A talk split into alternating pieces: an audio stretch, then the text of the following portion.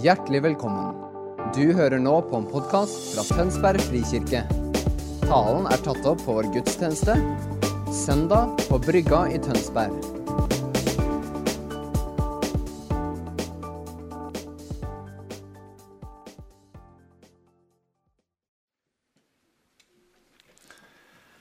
Herre Jesus, jeg må si til deg at du er verdig. Du er verdig all min oppmerksomhet.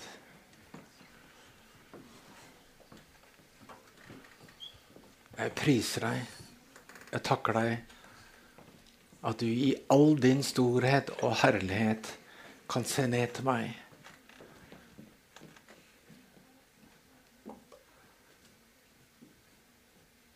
At du er med meg.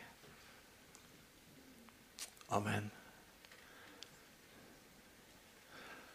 Uh, før jeg sier noen ting, så God søndag. Det var det jeg skulle si før jeg sier noen ting. Uh, men jeg kjente det at uh, jeg lyser Guds fred over deg. Kjente det. Om du er kommet hit, og det er uro, og det er på en måte ting som utfordrer deg, hva enn det er, så har jeg lyst til å si Guds fred omslutter deg. Hans fred, som er over vår forstand, han senker seg over deg gir din sjel fred. Amen. 14 dager siden så var jeg på Grimrud i bønnekonferanse som Ungdom i oppdrag hadde der med bønder, nettverk og mange andre. Da ble det interessert i en bok og han som Håvard Sand, som introduserte denne boken, han jobber i å proklamere, sa at eh, en åpning her har vært hele boken. Dette er en bok om bønn. og sånt. Det er veldig fint. Det er sånn tidebønngreie. Det er som morgen, middag kveld og masse sånt. Eh, så hvis du sliter med å finne på eller være inspirert alltid for hvordan du skal be, så er det sånne bøker helt fantastisk. Men det er ikke det jeg skal snakke om nå. Men det er på førstesiden her. Hør på dette, folkens! Du trenger ikke være kristen for å være elsket av Gud. Det er nok å være menneske. Du trenger ikke være en bønnekjempe for å være elsket av Gud.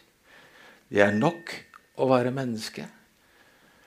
Du trenger ikke være from for å være elsket av Gud. Det er nok å være menneske. Du trenger ikke gjøre noen ting for å være elsket av Gud. Det er nok å være menneske.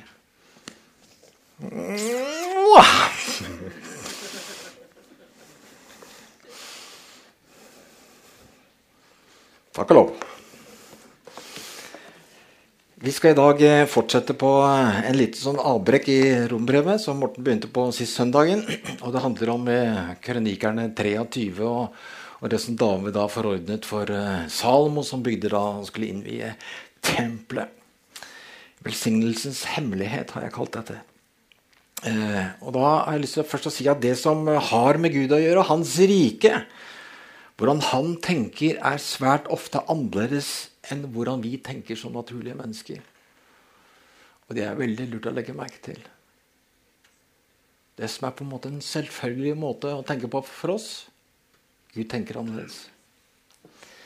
I Gamle Testamentet, når du leser der, så dette uttrykket betegnes som Guds veier. Og Av og til så ser du det uttrykket komme. Og så bes det også da om at vi skal få lov til å forstå og kjenne Guds veier. For hans tanker, står det, og veier er høyere og annerledes enn våre tanker og veier eller gjerninger. Om Moses så står det at han kjente Guds veier. Men Israel som en motsetning, de kjente hans gjerninger. Og skjønner du forskjellen?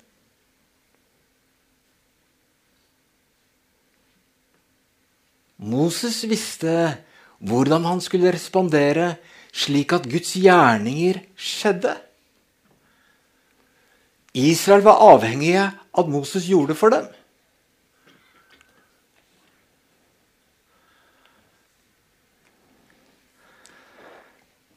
I Nytestamentet så kommer vi inn i et helt annet forhold til Gud enn det Israel hadde.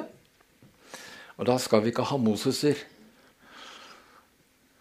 Som bare kjenner Guds veier, eller predikanter for den saks skyld, pastorer som kjenner Guds veier, da sier Gud at hele mitt folk skal kjenne mine veier. Forstå hvordan Guds rike er, og hvordan Guds rike virker.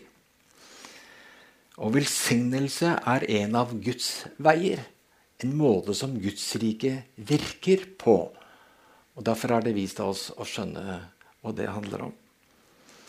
I Gammeltestamentet så var det da mange forordninger angående forholdet mellom Gud og Israel. Og Noen hadde da spesielle oppgaver, f.eks. da, eller særlig da levitene. Og vi kan lære noe om Guds veier, altså hvordan, hvordan, Gud tenker, ved å se på hva de skulle gjøre. Og Da har vi dette verset i 5. Mosebok 10,8 som vi ofte refererer til, og som vi har f.eks. For, for kapellet vårt. Da leser vi På den tid skilte Herren ut Levis stamme til å bære Herrens paktkiste og til å stå for Herrens ansikt og gjøre tjeneste for ham, og lyse velsignelse i hans navn. Og det har det gjort til denne dag. Når det står 'gjøre tjeneste for Han', så kan du kanskje tenke på praktiske ting. Og det er nok sikkert det også. Hvis du f.eks. leser engelske oversettelser, Amplified Bible, som står der så står det 'ministering to him', altså tjenestegjøre til ham. Og det er litt annerledes enn å gjøre alle praktiske ting. Å tjenestegjøre for ham. Et annet ord som vi bruker på det, er selvfølgelig tilbedelse.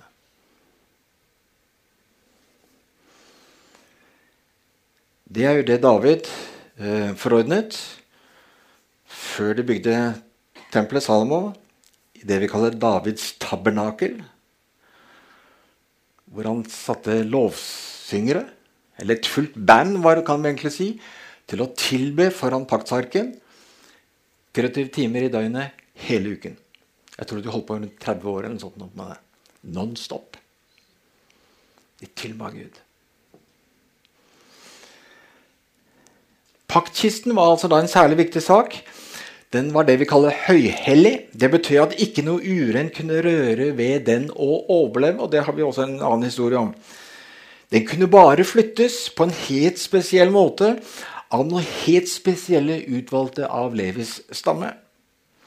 Over kisten, mellom disse to figurene med englene som hadde vingene ut, nådestolen står mellom der, eh, var da gudsnærværet. På en måte en blå ild som på en måte svevet mellom disse englene.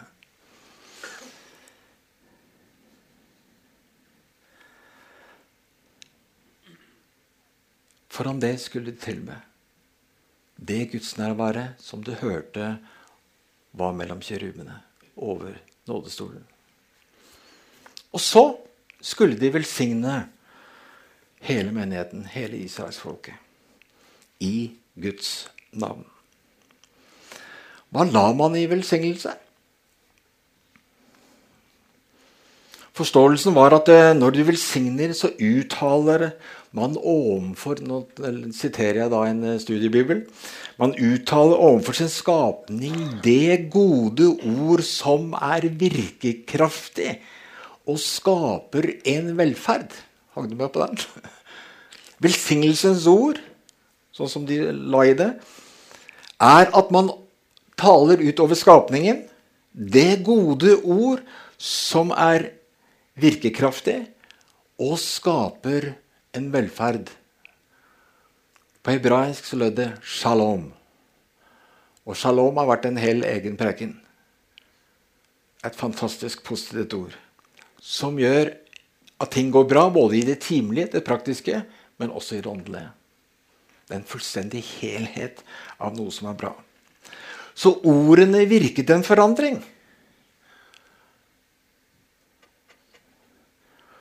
Kort sagt veldig viktig å ha med seg en Guds velsignelse. Og det gir nemlig en mulighet til at du kan erfare Guds hjelp, og at det går deg bra. Jeg sa mulighet. Det er ikke det samme som om du ikke får utfordringer. Legg merke til det. Men hvis Guds velsignelse er over deg, og du møter utfordringer, så er du bedre stilt enn uten Herrens velsignelse.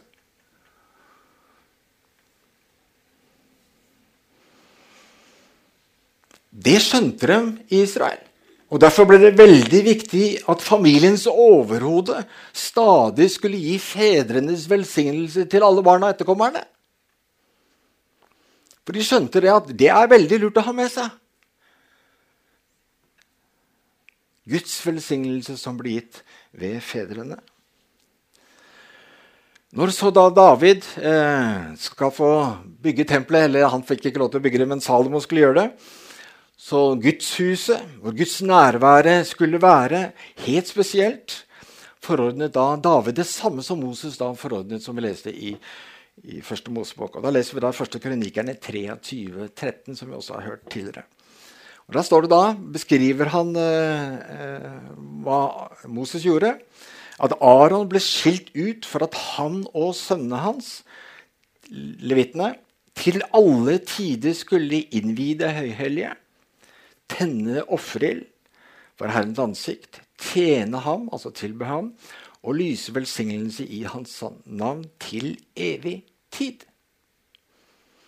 Altså en prestelig tjeneste i Guds måte å tenke på er at du er fra ham, hans nærvær, hans hellighet, og at du så velsigner. Det skal skje til evig tid. Ikke bare til Jesus kom. Håper du skjønner perspektivet. Hvordan ser så dette ut i Nytestamentet? Det som altså var viktig for Gud i Gammeltestamentet, som uttrykker hans tenkemåte, hans vei. Hvordan ser det ut i våre liv? Hvis vi skal ta det med oss til evig tid, for å si det sånn. Jeg tror vi med fordel kan fornye våre tanker om Guds velsignelse og dens plass i våre liv. Nå har Roy Godwin, som du så plakaten her, og som de fleste av dere har hørt, eh, god undervisning og masse positive vitnesbyrd om effekten av Guds nærvær på dette stedet der borte i Wales. Og velsignelse. Hvordan de velsignet av nabolaget, og alt sammen, og hvordan allting forandret seg. Jeg oppfordrer deg til å lese bøkene. To bøker. Du får kjøpt dem på Abraham. Løp og kjøp etterpå hvis du ikke har lest de bøkene. Så er Gammeltestamentet full av eksempler på det livet vi skal leve i Nytestamentet. Og Da er jo Abraham et veldig godt eksempel.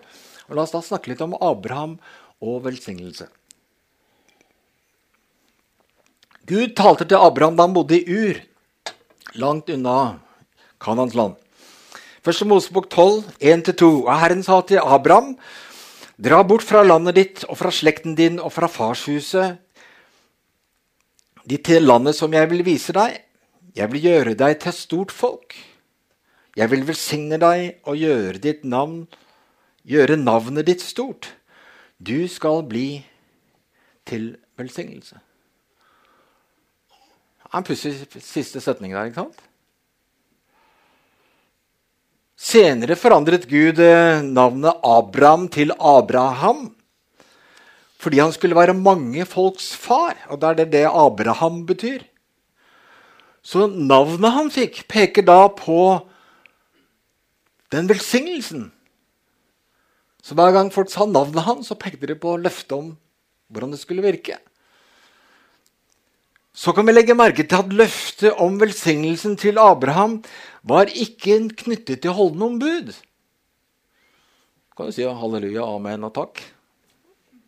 Ja. Skjønte ikke den, kanskje? Løftet om velsignelse var ikke knyttet til bud, som Israel senere fikk. I Moseloven da var det snakk om forbannelse og velsignelse. Men til Abraham handlet det om tro og lydighet. Og lydigheten handlet om at man var villig til å flytte geografisk. Pakke teltet ditt og dra av gårde.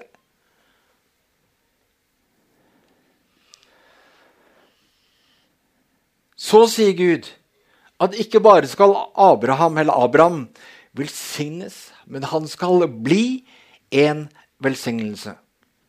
Og det betyr at han får noe altså da fra Gud. Slik at andre mennesker rundt ham blir velsignet av det han fikk fra Gud. Gud sier 'jeg vil velsigne deg' på en slik måte at ikke bare du blir velsignet og kan takke for det gode jeg gjør med deg, men ut av deg skal velsignelsen strømme og berøre andre. Det er en helt annen dimensjon. Velsignelse handler om at Guds godhet virker på en. At en erfarer shalom, som jeg sa. Så gjentas løftet i 1. Mosebok 22, 18. Og da sier Gud igjen Og i din ett skal alle jordens folk velsignes, fordi du adlød mitt ord. Og dette skjer etter at Abraham ble prøvet, om han var villig til å ofre Isak. Og i vår tid så blir det mye sånn debatt om det. Man sier at man ikke skal lese om uh, det til uh, barna våre. og alt sånt. Og det kan tilsynelatende høres forferdelig ut. Det bør leses i lys av det religiøse forståelse på den tiden, hvor menneskeofring var helt normalt. Altså Baal-guden, som var hersket på den tiden, da hadde man menneskeofring og barneofring. Så det var ikke noe overraskende på en måte, eh, dette. Det som vi også da må få med oss, at Gud strengt forbød Israel senere å drive med menneske- og barneofringer. Det var en vederstyggelighet for Herren. Men poenget som kommer frem, som jeg vil belyse, er at Isak var en viktig del av løftet om velsignelse. Han var på en måte den fysiske bekreftelsen av løftet om velsignelse for Abraham. Men så ville Gud altså mer enn bare velsigne Abraham med en sønn, med en velsignelse. Han vil også få frem Gudsrikets tankegang. Abraham skulle ikke bare erfare velsignelsen, men være en velsignelse. For at det skulle virke, måtte Abraham ikke holde fast ved velsignelsen. Derfor sa Gud, kan jeg få den tilbake igjen?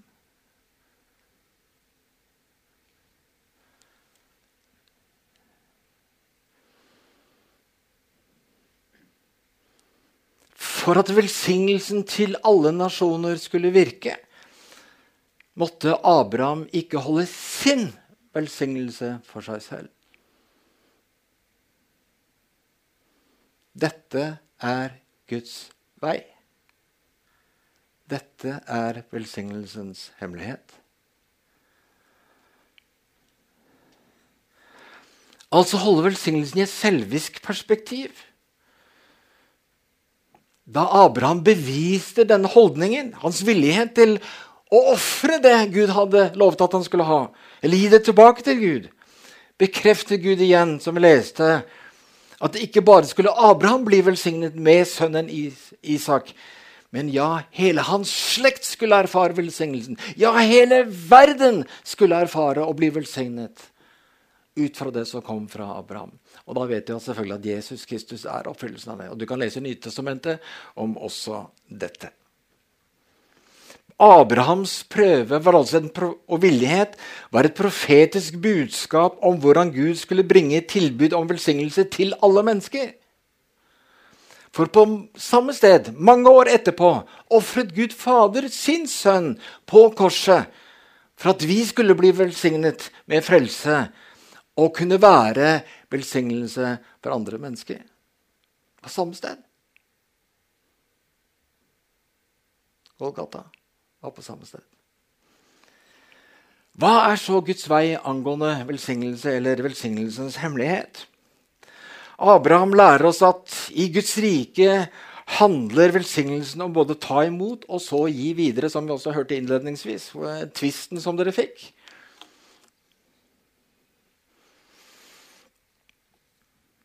Det bryter med vår menneskelige måte å tenke på. Det er ikke naturlig for oss, det der.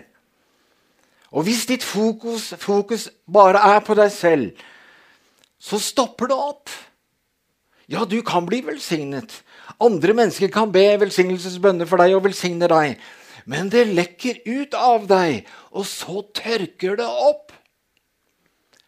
For Guds rike fungerer ikke sånn når du holder velsignelsen for deg selv.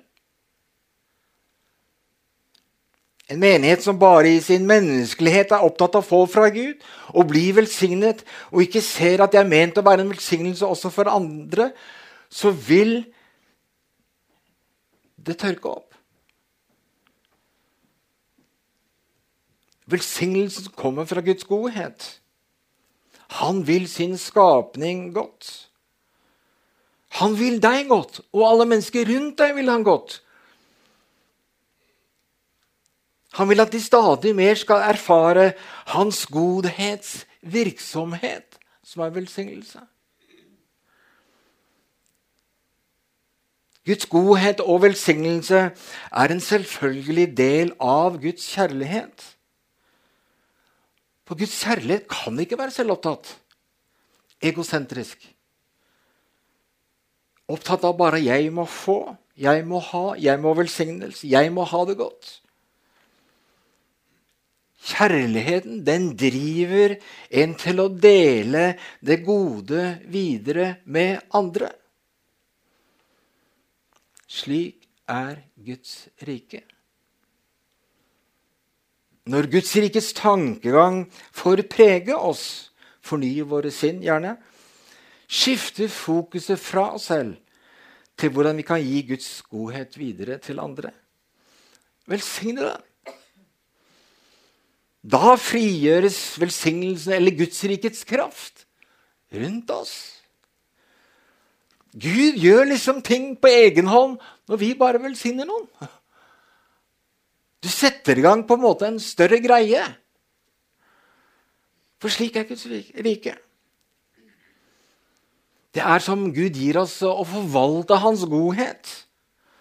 Og når vi gir denne godheten videre, så berøres også vi av Guds rikets glede og tilfredshet ved at Guds godhet får spre seg. Og så erfarer vi selv dens godhet. Og Peter setter dette i et eh, perspektiv i Nytestamentet, som var eh, leserteksten i dag. Når vi da kan ha det vanskelig, det er jo bakteppet hans, og gjerne vi kjenner på det, er opptatt av det, så sier han i 1. Peter 3, 8-9. Til slutt, han summerer opp. Til et ord til dere alle. Ha samme sinn. Vis medfølelse og søskenkjærlighet. Hjertelag og ydmykhet. Og så langt så går det jo nokså bra, da. Altså en positiv, raus holdning mot alle mennesker. Men så kommer det. Han peker på også når det er vanskelig. Og når folk rundt oss kan være veldig vanskelige, og kan også utfordre oss, så sier han i vers 9.: Gjengjeld ikke ondt med ondt, hån med hån. Nei, velsigne heller.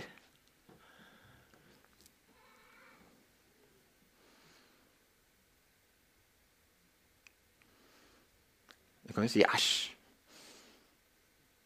Det er greit å velsigne andre folk som velsigner deg. Folk som er vennlige mot deg, er det greit å være vennlig mot.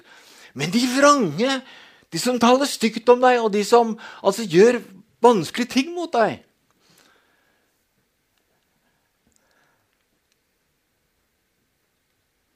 Da møter vi liksom asfalten. Da er det spørsmål om du lever i menneskelighet, eller om du lever i Guds rike. For hvorfor skal vi velsigne andre? Også de som utfordrer oss og gjerne kan gjøre oss vondt. Fordi vi er i Guds rike. Derfor. For Guds rike gjør slik. Guds rike tenker slik. At velsignelse går ut til alle onde mennesker. Gud elsker jo alle mennesker. Husker du det innledningen vi leste? Grunn nok til å få en velsignelse fra Gud er at du er menneske. Ikke grei og snill. Heldigvis. Og det vil han gjerne at vismannsbarn også skjønner. At vi er med i det han gjør, og slik han tenker. For vi er fordel i Hans rike. Vi er kalt til det, som han sier. Vi er satt til det. Vi er skapt til det. Bytt inn det ordet som du syns passer. Vi har fått del i Guds velsignelse. Derfor lar vi det strømme ut til alle. Nå kan du da lure litt på hvordan dette kan være mulig. Jeg bare si bare en liten ting hvis du nå er bekymret for klokken. Så skal jeg vise dere hvordan min klokke står. Den står på 0000 fordi jeg glemte å trykke på den. Og så har hun en annen klokke der, men den vil jeg ikke se på, for den er så langt nede. Men jeg har ennå litt tid.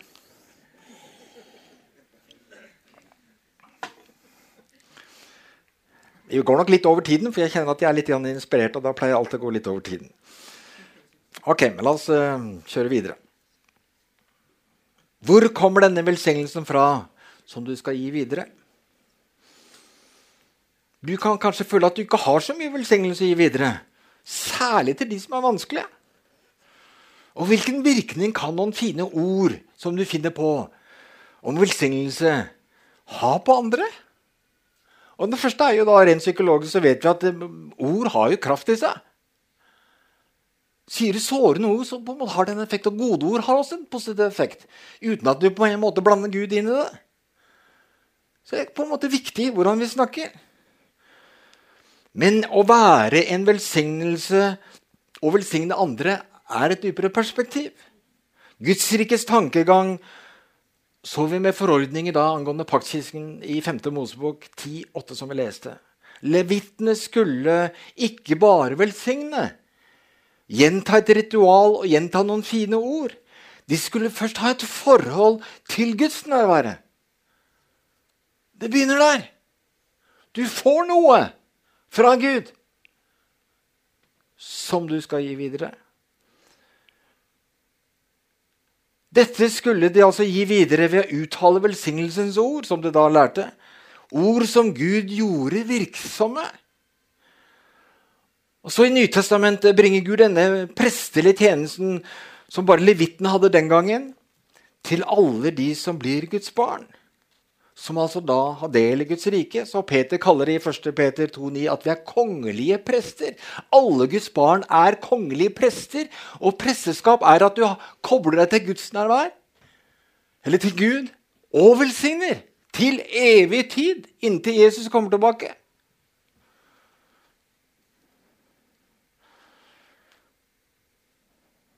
Din frelse handler altså ikke bare om at du kommer til himmelen. Guds rikes tankegang er at det gjøres til Guds barn. Og siden du er Guds barn, gir Gud deg av sitt Guds rike. Du gjøres til en velsignelse av Den hellige ånd. Og siden du har fått del i denne velsignelsen fra Gud, skal du gi den videre. Da vokser den i deg. Siden vi er Guds barn, har Gud gitt oss en autoritet til å si og gjøre ting som han vil. På hans vegne, om du vil.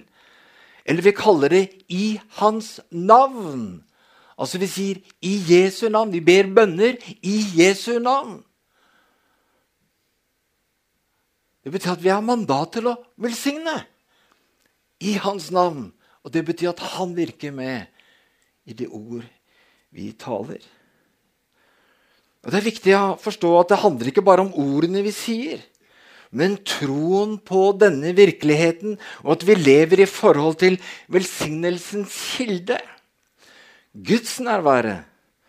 Eller Jesus Kristus, hvis du heller er bekvem med å bruke det uttrykket. Og Jesus var helt tydelig i Johannes 15 at vi trenger å få livskraften fra ham, vintreet, for å bære frukt.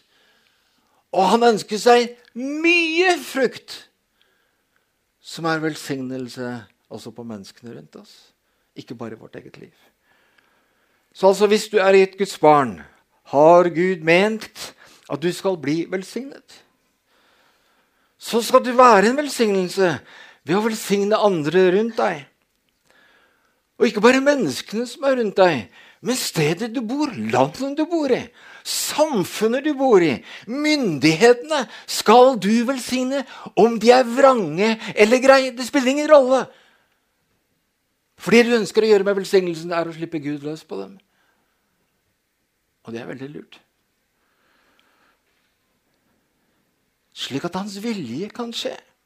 Hvis vi ikke gjør det, så blir det mindre av Guds virksomhet.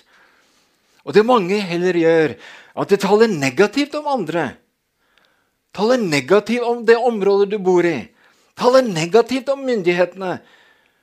Og det er egentlig å forbanne.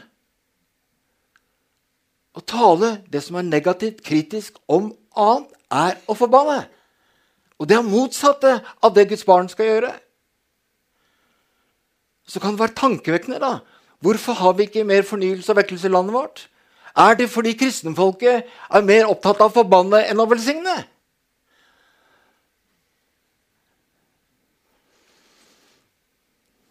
Forbannelse fremmer ikke Guds virksomhet og Guds gode vilje. Nå skal jeg avslutte. Hvordan kan du så begynne med dette? Det begynner med at du får en forståelse av dette vil være bra.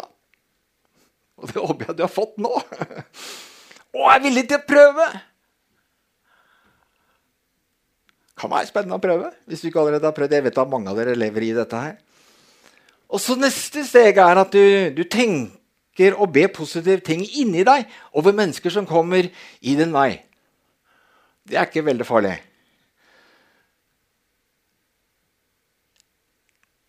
Bestem deg for å tenke positivt for folk som møter deg. Kassadamen eller på jobb eller hvor det er. Og be en positiv bønn inni deg om vedkommende. Og også de som er litt sære, da, de som er litt ekle og, og slemme og sånn. Egentlig skulle jeg si særlig den. For da beskytter du ditt hjerte. Istedenfor at ditt hjerte blir fanget av ondskapen og du får et negativt fokus, så vil det at du tenker og ber positivt om dem, setter ditt hjerte fri. Det er kjempelurt. altså, Det har vært en hel annen preken. lar det ligge der. Så kan du ta et skritt videre. da. Og si positive ting til andre. Det er vi nordmenn ikke ofte vant til. Ønsker dem en god dag, osv. Be så om at Gud skal velsigne og bevare dem. Må Gud velsigne deg. Det kan være skremmende for noen å høre, men ok. Og så kan du gå enda dypere. Men øv deg først med det vi har sagt. Bringe Guds velsignelse gjennom deg til dem og områder og myndigheter. Da må du først åpne deg for hva du fornemmer Gud ønsker å velsigne dem med. Det er ikke din egen tanke, men du spør Gud hva vil du at jeg skal gi videre her.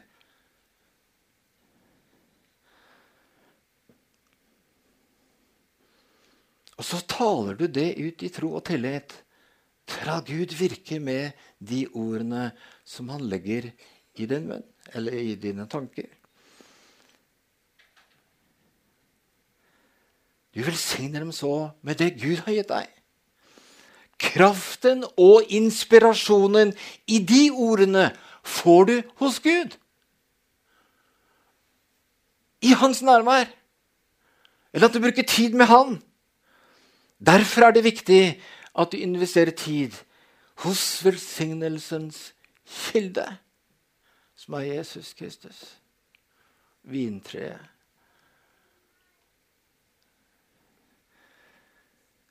Roy Godwin beskriver masse mer om det i boken som du kan kjøpe hvis du ikke har kjøpt den, i Abraham etterpå.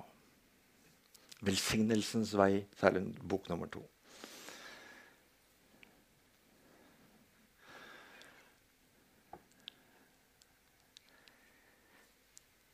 Tre spørsmål.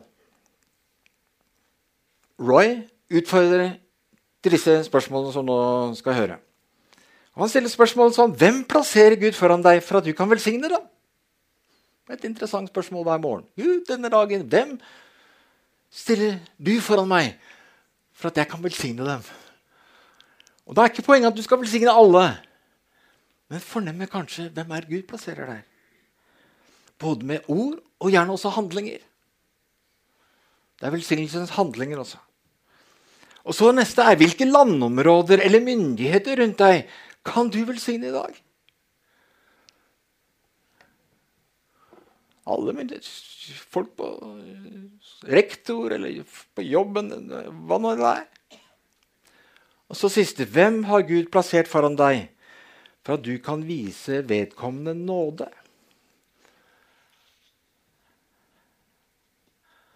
Nåde er en viktig del av velsignelse og Guds kjærlighet. Derfor går de også ut mot de som er vrange mot oss. Derfor bærer velsignelsen over alle de som ikke fortjener den. For det er Guds nåde i Hans kjærlighet. Slik er Guds rike.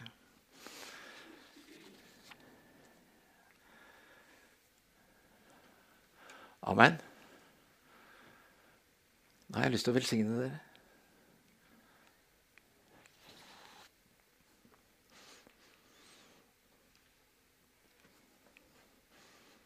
Det er jeg kjenner sånn på når jeg står her nå. Sagt amen. På en måte at Gud ønsker å klemme hver en av dere. Hans godhet er overstrømmende mot oss. Og det ønsker han at vi skal erfare og hjelpe hverandre til å se og erfare.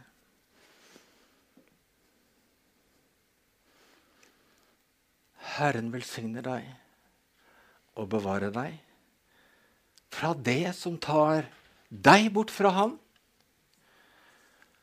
Må Han åpne ditt øye, slik at du ser hva Han har gitt deg ved sin Hellige Ånd. Må Han åpne dine ører, slik at du mer hører og forstår hva Han sier til deg. At Hans ord blir hørbart og kjennbart i ditt liv. Må Hans ånd styrke deg slik at du velger å følge Hans ord når du fornemmer Hans ord. Selv om det bytter imot. Må Han åpne ditt hjerte for Guds glede, slik at det preger din livssituasjon.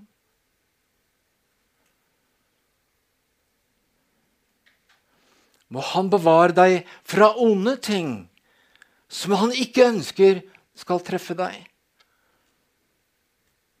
Som Hans velsignelse og bevaring kan beskytte deg mot. Må Han styrke din kjærlighet i deg, slik at du kan svare på Hans kjærlighet til deg. Og må han fylle deg med fred om at du er hans barn, og at han elsker deg.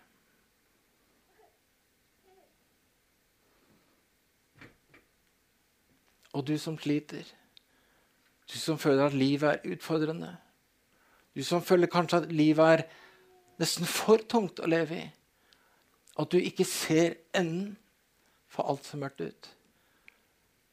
Så velsigner jeg deg med et lys der fremme. Og en trygghet at englene kommer rundt deg. At du er ikke alene i det du føler er ditt mørke. At de vil ta deg på hver side og bære deg mot lyset som de ser der borte. Må hans åsyn lyse på deg og forandre ditt liv og gi deg fred.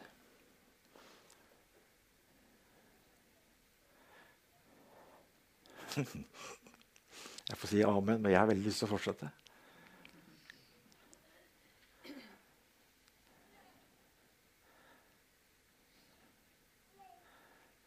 Det er et rart paradoks. At vi som er vanlige mennesker i all vår skrøpelighet, kan koble oss til noe som er langt større enn oss. Og sette ord på det og spre det ut til andre mennesker. Og så virker Gud i ordene. Fantastisk. Da tror jeg dere må gå opp. Herre Jesus, vi takker deg for ditt rike. Vi takker deg for hvordan du er, hvordan ditt rike er. Så ber vi at lær oss dine veier. La oss skjønne hvordan Guds rike virker, slik at vi kan bryte opp fra vår menneskelighet, våre menneskelige mønstre, og gripe Guds rikes tankemåte. Og leve slik som du har gitt oss å leve. Amen.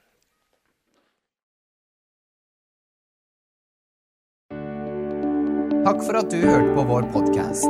Har du spørsmål eller ønsker du å vite mer? Søk oss på vår nettside tonsbergfrikirke.no.